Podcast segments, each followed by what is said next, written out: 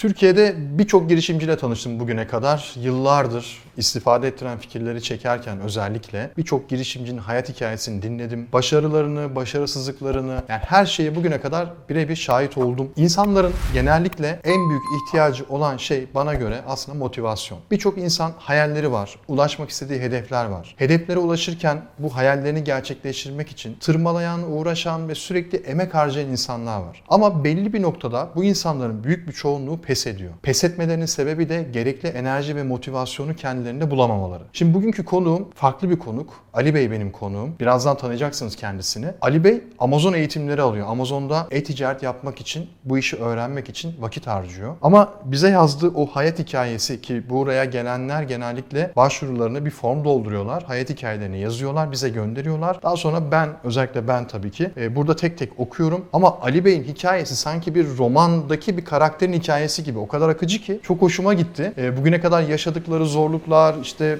e, iflaslar, ailesel problemler, iş hayatıyla alakalı deneyimler. Yani inanılmaz bir hikaye. Ben çok etkilendim. O yüzden kendisini buraya davet ettik. Şimdi anlatacak, kendisi neler yaptığını anlatacak ve bugüne kadar gelişindeki, bu noktaya gelişindeki zorluklara kadar her şeyi bize anlatacak. Biraz uzun oldu farkındayım ama çok etkilendiğim için böyle bir açılış yapmak istedim. Teşekkür ederim. Hoş geldiniz öncelikle. Hoş bulduk. Ayağınıza Sağ- sağlık. Sağ olun Taner Bey. E, bayağı uzaktan geliyorsunuz. Bir de bizim eğitim gruplarına geliyorsunuz. 9. Evet, gruptasınız gruptayım. değil mi? Amazon eğitimleri alıyorsunuz. Bayağı da hani şeysiniz, ilgilisiniz zaten, alakalısınız. Evet. Şimdi bu hikayenizi ben tabii buraya gelmeden önce, daha doğrusu e, bizim eğitim gruplarına gelmeden önce okumamıştım, bilmiyordum. Sadece buraya başvurduktan sonra e, bu hikayeyi okuyunca çok dikkatimi çekmişti. E, gerçekten bu kadar bir azmin bir parçası olmanız, yani bir azmin parçası diyorum çünkü azim kendi Evet. başına bence bir güçtür. Ve insanlar o azmi gider alırlar ve kendilerine enjekte ederler. Ben azimliyim, ben işte istekliyim, bunu yapacağım derler ki siz gerçekten burada bence hayatınızda yaşadıklarınız enteresan. Ben topu size atıyorum. Burada yazdığınız gibi anlatırsanız bence izleyenler de merakla bekliyor şu an.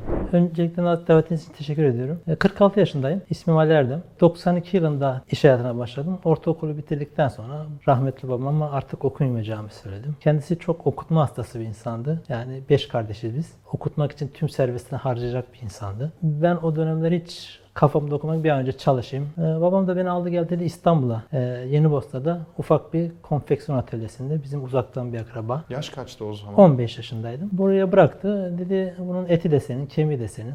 Al bunu yetiştir. Adam bana ufak bir yatak aldı konfeksiyonun bir köşesine. Geceler orada yatıyordum. Üzerime kapıyı kilitleyip gidiyordu. Sudan çıkmış balık gibiydim o zamanlar. E, sabahlara kadar uyuyamıyordum. İşte sağa dön sağa uykusuz. Bazen ağlıyordum. Ne işim var burada gibisinden. Bir süre sonra dedim böyle olmayacak. En iyisi geceleri oturayım makinede çalışayım kafasına girdim. Oturdum geceleri parça dikiyorum durmadan. Bu iyi gelmeye başladı bana. En azından kafam dağılıyordu çalışınca. Bazı şeyleri unutuyordum. İki ay burada çalıştıktan sonra artık makineyi baya baya öğrendim. Bir büyüğüm de geldi benim abim. Dedi gel bir e, bekar odası tutalım. Birlikte kalalım. Gittik biz bekar odası odası tuttuk. O da benimle beraber çalışmaya başladı. Ee, Başka bir atölyeye girdim makineci olarak. Yaklaşık bir yılda burada çalıştım. Artık bayağı usta makineci olmuştuk. Abim ütücü olarak çalışıyordu. Ben makineci olarak çalışıyordum. Babam en sonunda böyle olmayacak dedi. O da İstanbul'a taşındı. Ev tuttu. Biz eve taşınınca e, babam hep sigortalı çalıştı. Sigorta emeklisi olduğu için bize hep derdi kurumsal bir firmada çalışın. Sigortanız olsun. Bu arada anne nerede? Anne de bizimle beraberiz. İşte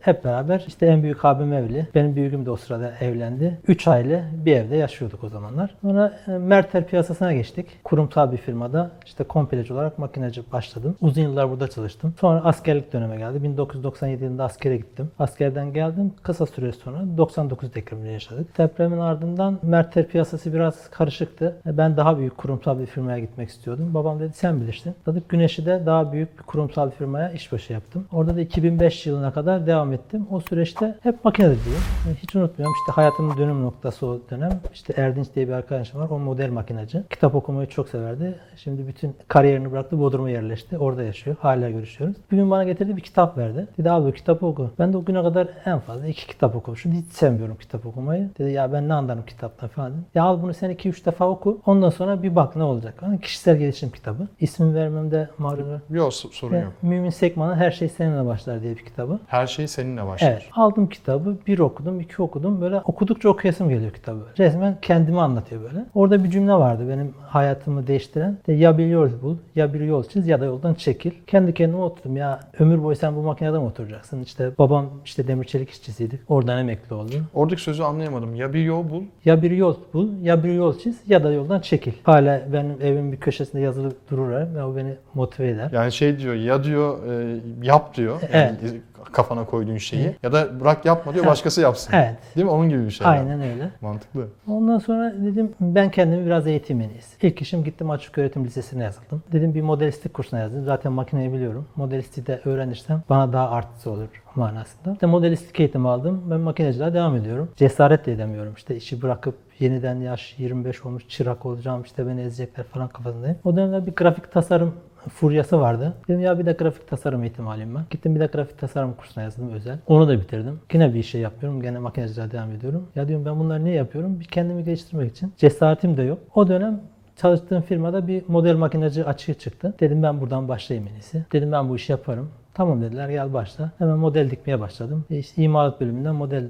departmanına geçtim. İşte yaklaşık 6-7 ay model makinacılığı yaptıktan sonra o dönem yeni bir proje açıklandı. Maliyet tişört kaç dakikada dikilir, kaç dikilir, kaç kişiyle dikilir proje başlattılar. Bunun da altyapısını hazırlamak için e, dikimi bilen kişiler arıyorlardı. Bende de hafif bir bilgisayar bilgisi vardı. Dedim ben bunu yaparım. Tamam dediler. Gel işte biraz eğitim verdiler ne yapacağımızı falan. Oradan maliyet departmanına geçtim. Oradan mavi yakadan beyaz yakaya ilk terfimi aldım. Yaklaşık e, 10 yıl bu departmanda çalıştım. Artık e, yöneticilik pozisyonuna kadar yükseldim. Modelhane departmanına geçtim. Peki o sıralarda şöyle bir şey oldu mu? Yani en diplerden ba- başlıyorsunuz yani bir atölyede işte makasla belki iplikleri kesiyorsunuz. İşte Evet. dikiş makinesinde bir şeyler dikiyorsunuz. En alt kademede en düşük maaşla ezilen bir pozisyonda iş yapıyorsunuz. Yani Evet. patron kapıyı kilitleyip gittiği için bu böyle söylüyorum. Yanlış anlaşılmasın. İyi, evet. Yani bayağı bir ezmiş aslında sizi. Şimdi oralardan buralara yani şu, daha henüz finale varmadık zaten de mavi yakadan beyaz yakaya terfi ettiniz ya. Şöyle geriye dönüp baktığınızda şey diyor musunuz? Ya ben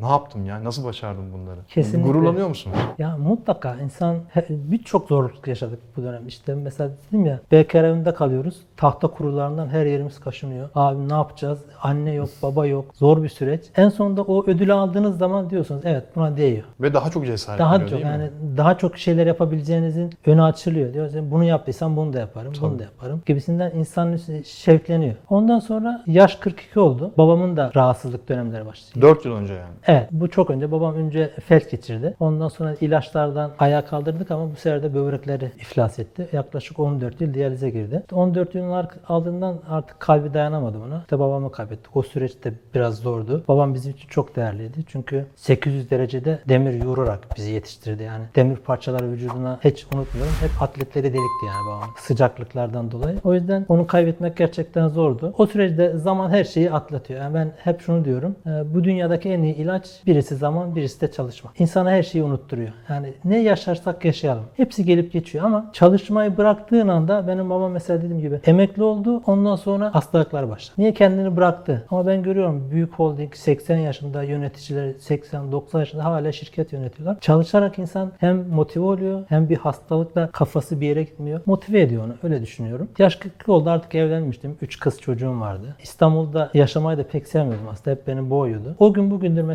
o kitabı okuduğumdan beri hayat hep Saat 5.30'da başlarım ben. 5.30 ile 7 arası kitap okuma saatimdir. 7 ile e, 8 arası filografi sanatıyla uğraşıyorum. O saat dilimi benim kim herkesin uyuduğu saat vakti. Kimse beni rahatsız etmiyor. O benim için en değerli saat dilimi orası. Öyle çalışıyorum. Dedim ya artık çocuklarımı da burada yetiştiremem. 3 kızım vardı. İşim gereği durmadan Malatya'ya gidip geliyordum ben. Büyük tekstil firmalarında denetmen olarak gidiyordum. Orayı denetliyordum. Malatya'da güzel bir şehirdi. Eşim dedim yani ben de Kahramanmaraşlıyım aslında. Dedim ya gidelim artık yani hem Anadolu hem sakin bir yer. Burası trafikten geçinemiyor. O da dedi tamam sen ne istiyorsan söyle olsun. Ben kariyerimi bıraktım. Kendi işimi yapmak için Malatya'ya taşındım. Bir atölye açtım. İhracat yapıyordum. Yine çalıştığım firmaya. Onlar da sağ olsunlar bana o desteği verdiler. İlk, işte ilk 3 ay çok güzel gidiyordu. 80 kişiye kadar çıktım. İmalat yapıyorum. 80 kişiyken 80 çalışan. 80 çalışanım vardı benim. Pandemi patladı. Pandemi patladı. 3 ay dükkanı kapattık. Evde yatıyoruz. Hiçbir şey yapamıyoruz. Sonra pandemi bitti. ihracat durdu. Çalışırken işçiyle işveren olmak çok farklı. Ben 25 yıl işçilik yaptım. İşi çok iyi bilmeniz hiç önemli değil. Ticaret çok farklı bir şey. Para yönetmek, devleti, sigortası, vergisi, 80 tane adamı yönetmek, tek başınasınız, hiç kimse yok. Yani bir de pandemiden çıkmışsınız, ihracat durmuş, 80 kişi sizden maaş bekliyor, evden ekmek bekliyorlar. Çok zorlu bir süreç. O dönem yavaş yavaş dedim yani evet Ali çökmeye başladın sen. Biliyordum ama pes etmek de istemiyordum. Şirketimin isminde kızlarımın ismi baş harflerini koymuşum. O da benim çocuğum gibi. Ya bunu kapatırsam çocuğumu kapatmışım gibi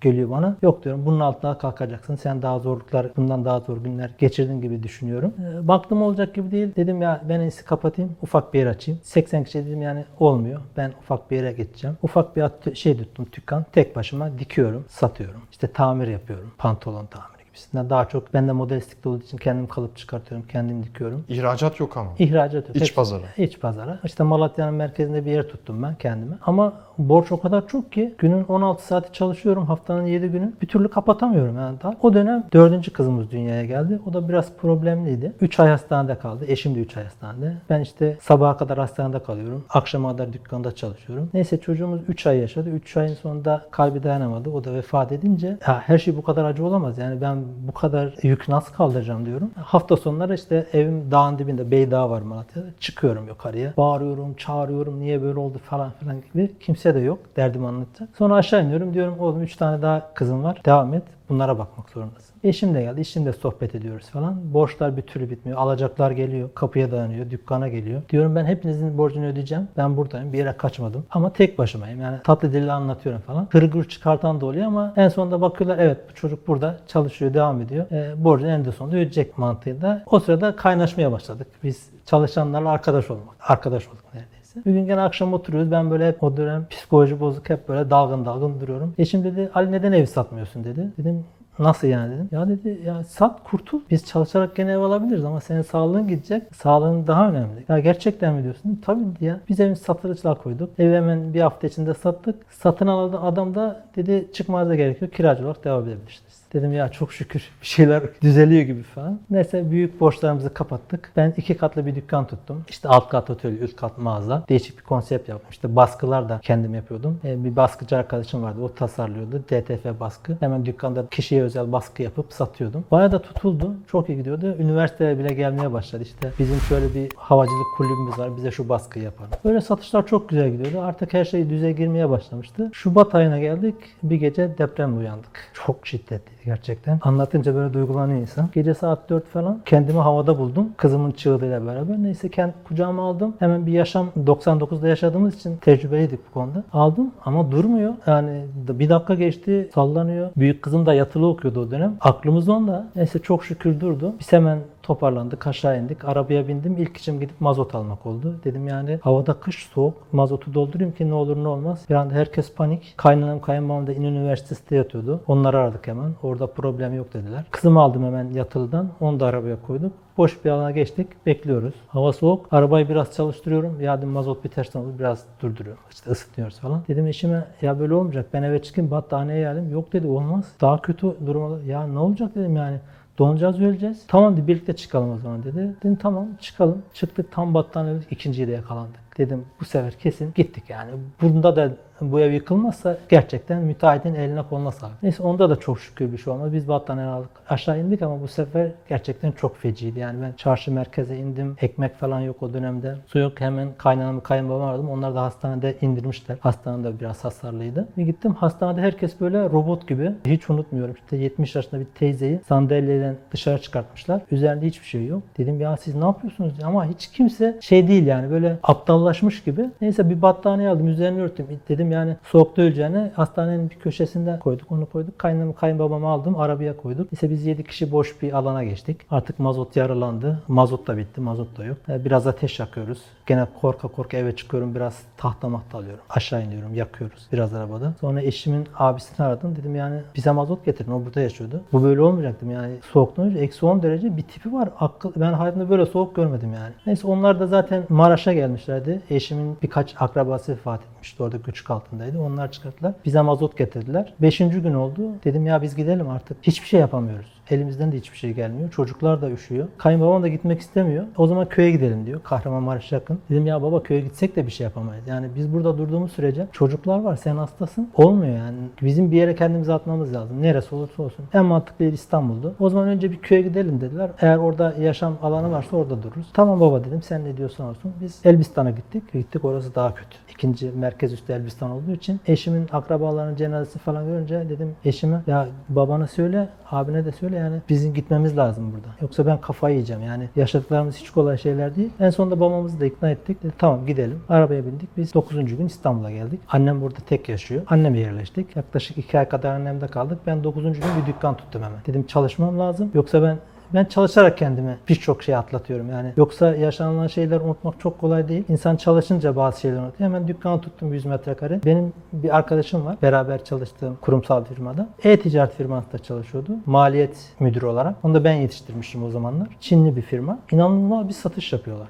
Yani sadece giyim üzerine. Aradı beni. Ali abi ne yapıyorsun dedi. Dedim geldim. Dedi buraya gel hemen dedi. Gel atladım gittim. Ne yapacaksın dedim. Vallahi dedim Emrah dükkan tuttum dedim. İmalat yapacağım falan. Dedi burası dedi ürün alıyor dedi. Ama her şey alıyor. Sen dedi zaten elin yatkın. Dik getirdi biz alacağız. Ufak adetler alıyorlar. 200-200. Beğenilen modeli. Aa, tamam dedim. Hazır ürün de alıyorlar. Hemen sırt çantamı aldım. Mert'e indim. Denim pantolon buluyorum. Denim gömlek, şort falan hemen getiriyorum bir numara. Beğendiniz mi? Beğendik. İşte kaç dolar? 6 dolar. Gidiyorum 5 dolar alıyorum. Gidiyorum oraya 6 dolar. Arabam da yok. Her şey taksiyle. Sırt çantam. Ama akşama kadar anam ağlıyor yani resmen. Kanter içinde. Ondan sonra o bana bir sermaye oldu. Çok da e, ödemeler de çok hızlı. Depoya girdiği an geçtiği an bir gün sonra hesabına para yatırıyorlardı. Baktım çok iyi gidiyor. Artık kumaş almaya başladım. Model çıkartıp dikip baskı tasarlıyordum. Aynı tişört üretip 4 değişik baskı, 5 değişik baskıyla değişik modeller satmaya başladım. Artık yavaş yavaş her şey rayına girmeye başladı. Gayet de iyi gidiyor. Ama dedim artık biz kendi evimizi tutalım. Evimizi tuttuk. Tekrar bir eve taşındık. Sonra dedim ya bu e-ticaret çok farklı bir şey. Neden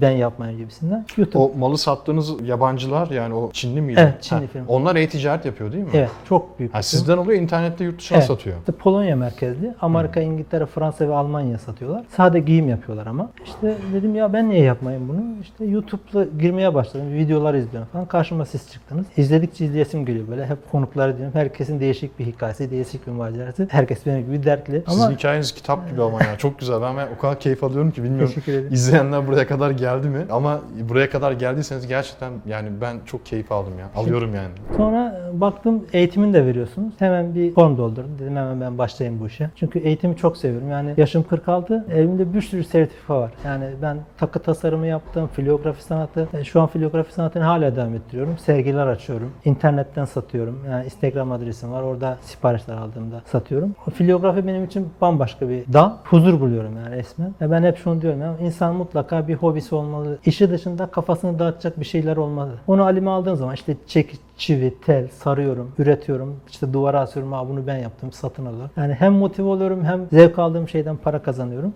Sonra sizin eğitiminize gelmeye başladım. İlk dönemler bir şey anlamıyordum ama 3. 4. haftadan sonra zaten bu 7. haftamız önümüzdeki hafta sonu ama devam edeceğiz. Çünkü bu 8 haftayla bitecek bir şey değil gibi görüyorum. İşte burada kendi yaptığım, tasarladığım ürünleri, tekstil ürünlerini hem el sanatlarını yapıp satmayı planlıyorum. İşte filiografis.com'u satın aldım. İşte bunun altyapısını hazırlatıyorum. Burada el sanatlarımı satıp aliyle.com'u satın aldım. Burada da kendi ürettiğim ürünleri satma konusunda ileriye dönük hemen olacak bir şey değil ama altyapısını hazırlıyorum. Bir yandan da bu e-ticaret e, firmasıyla çalışmaya devam ediyorum. Hayatım bu şekilde devam ediyor. Şeye de Etsy üzerinde de mağaza açabilirsiniz. Evet, orada da açtım Orada- orada zaten. da satın. işte burada da e, onun da altyapısını yapıyorum. Birkaç ürün koydum ama hala mantığını çözemedim. De onu yaptıkça öğreneceğiz. Bakalım hayat bizi nereye götürecek. Ama çalışmayı seviyorum. Ölene kadar da çalışacağım herhalde. Bu beni çok memnun. Zaten hikayenizin sonunda da finalde şey demişsiniz. İnşallah bunca zorluğun ardından tünelin sonundaki ışığa ulaşacağız demişsiniz. Evet. Bence o ışığı görmüşsünüz zaten. Ulaşması kalmış. Ulaşırsınız. Zaten hayat böyledir ya. Yani Evet. sonuçta her insan tabii ki inişi var, çıkışı var, batanlar ya da hayatı boyunca hep rahat yaşayanlar ya da hayatı boyunca hiç şans yüzüne gülmeyen Evet. yani birçok insan dünyada var zaten. Hikayenizde bana yakın olan kısım şuydu aslında yani en başında o konfeksiyon atölyesinde ben de kaç yaşındaydım? 14-15 yaşındaydım. Ben de çalışmıştım. O zaman yok 14-15 değil daha da ufaktım ya. 10 yaşındaydım ama gizli gizli. Şimdi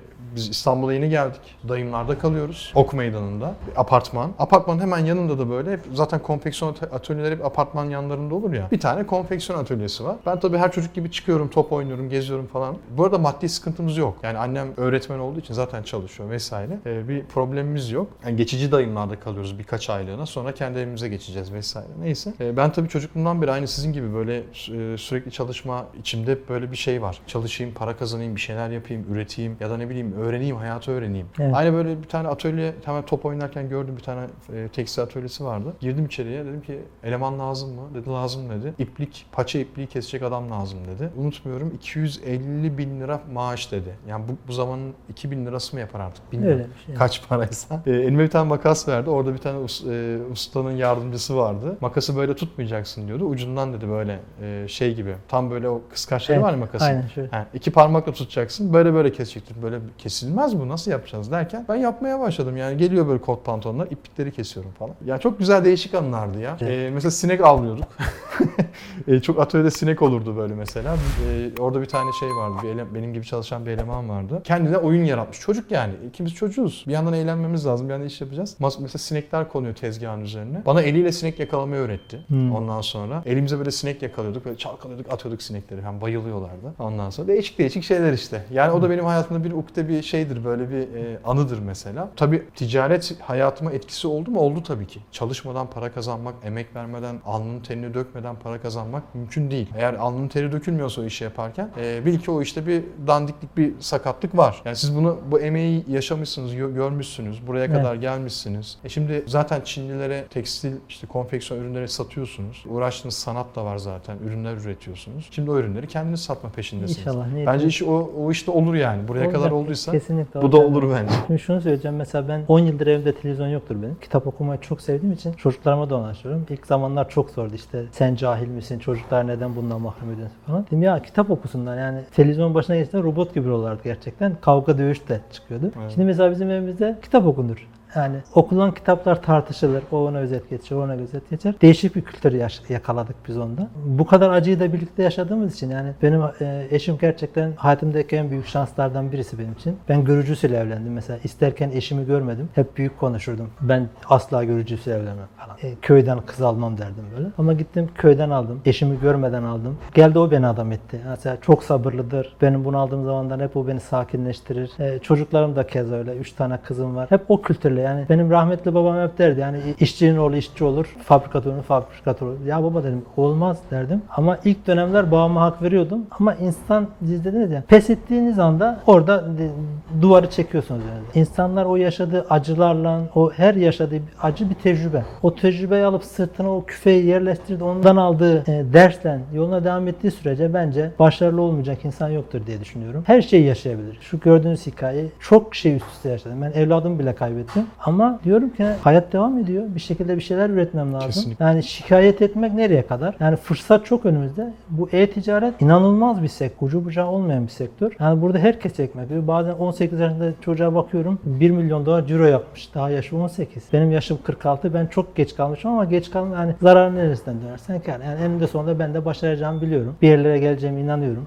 Belki eninde sonunda bir yere geleceğim. Bunları kitap haline getirip kitap da yazmak isterim. Yani bunlar hep zamanla olacak şeyler. Bence kitap yazarsınız ya. İnşallah. Bakalım. Ali Bey çok memnun oldum. Ben de. Ayağınıza sağlık, ağzınıza da sağlık. Teşekkür ederim. Gerçekten keyif aldım ben. Umarım izleyenler de keyif almıştır. Evet siz de Ali Bey gibi buraya konuk olabiliyorsunuz biliyorsunuz. Konuk olmak için aşağıda bir formumuz var. Hem yorumlar bölümünde hem de videonun açıklama bölümünde. O formu doldurmak yeterli olacak. Yorumlarınızı da çok merak ediyorum. Kendinize iyi bakın. Hoşçakalın.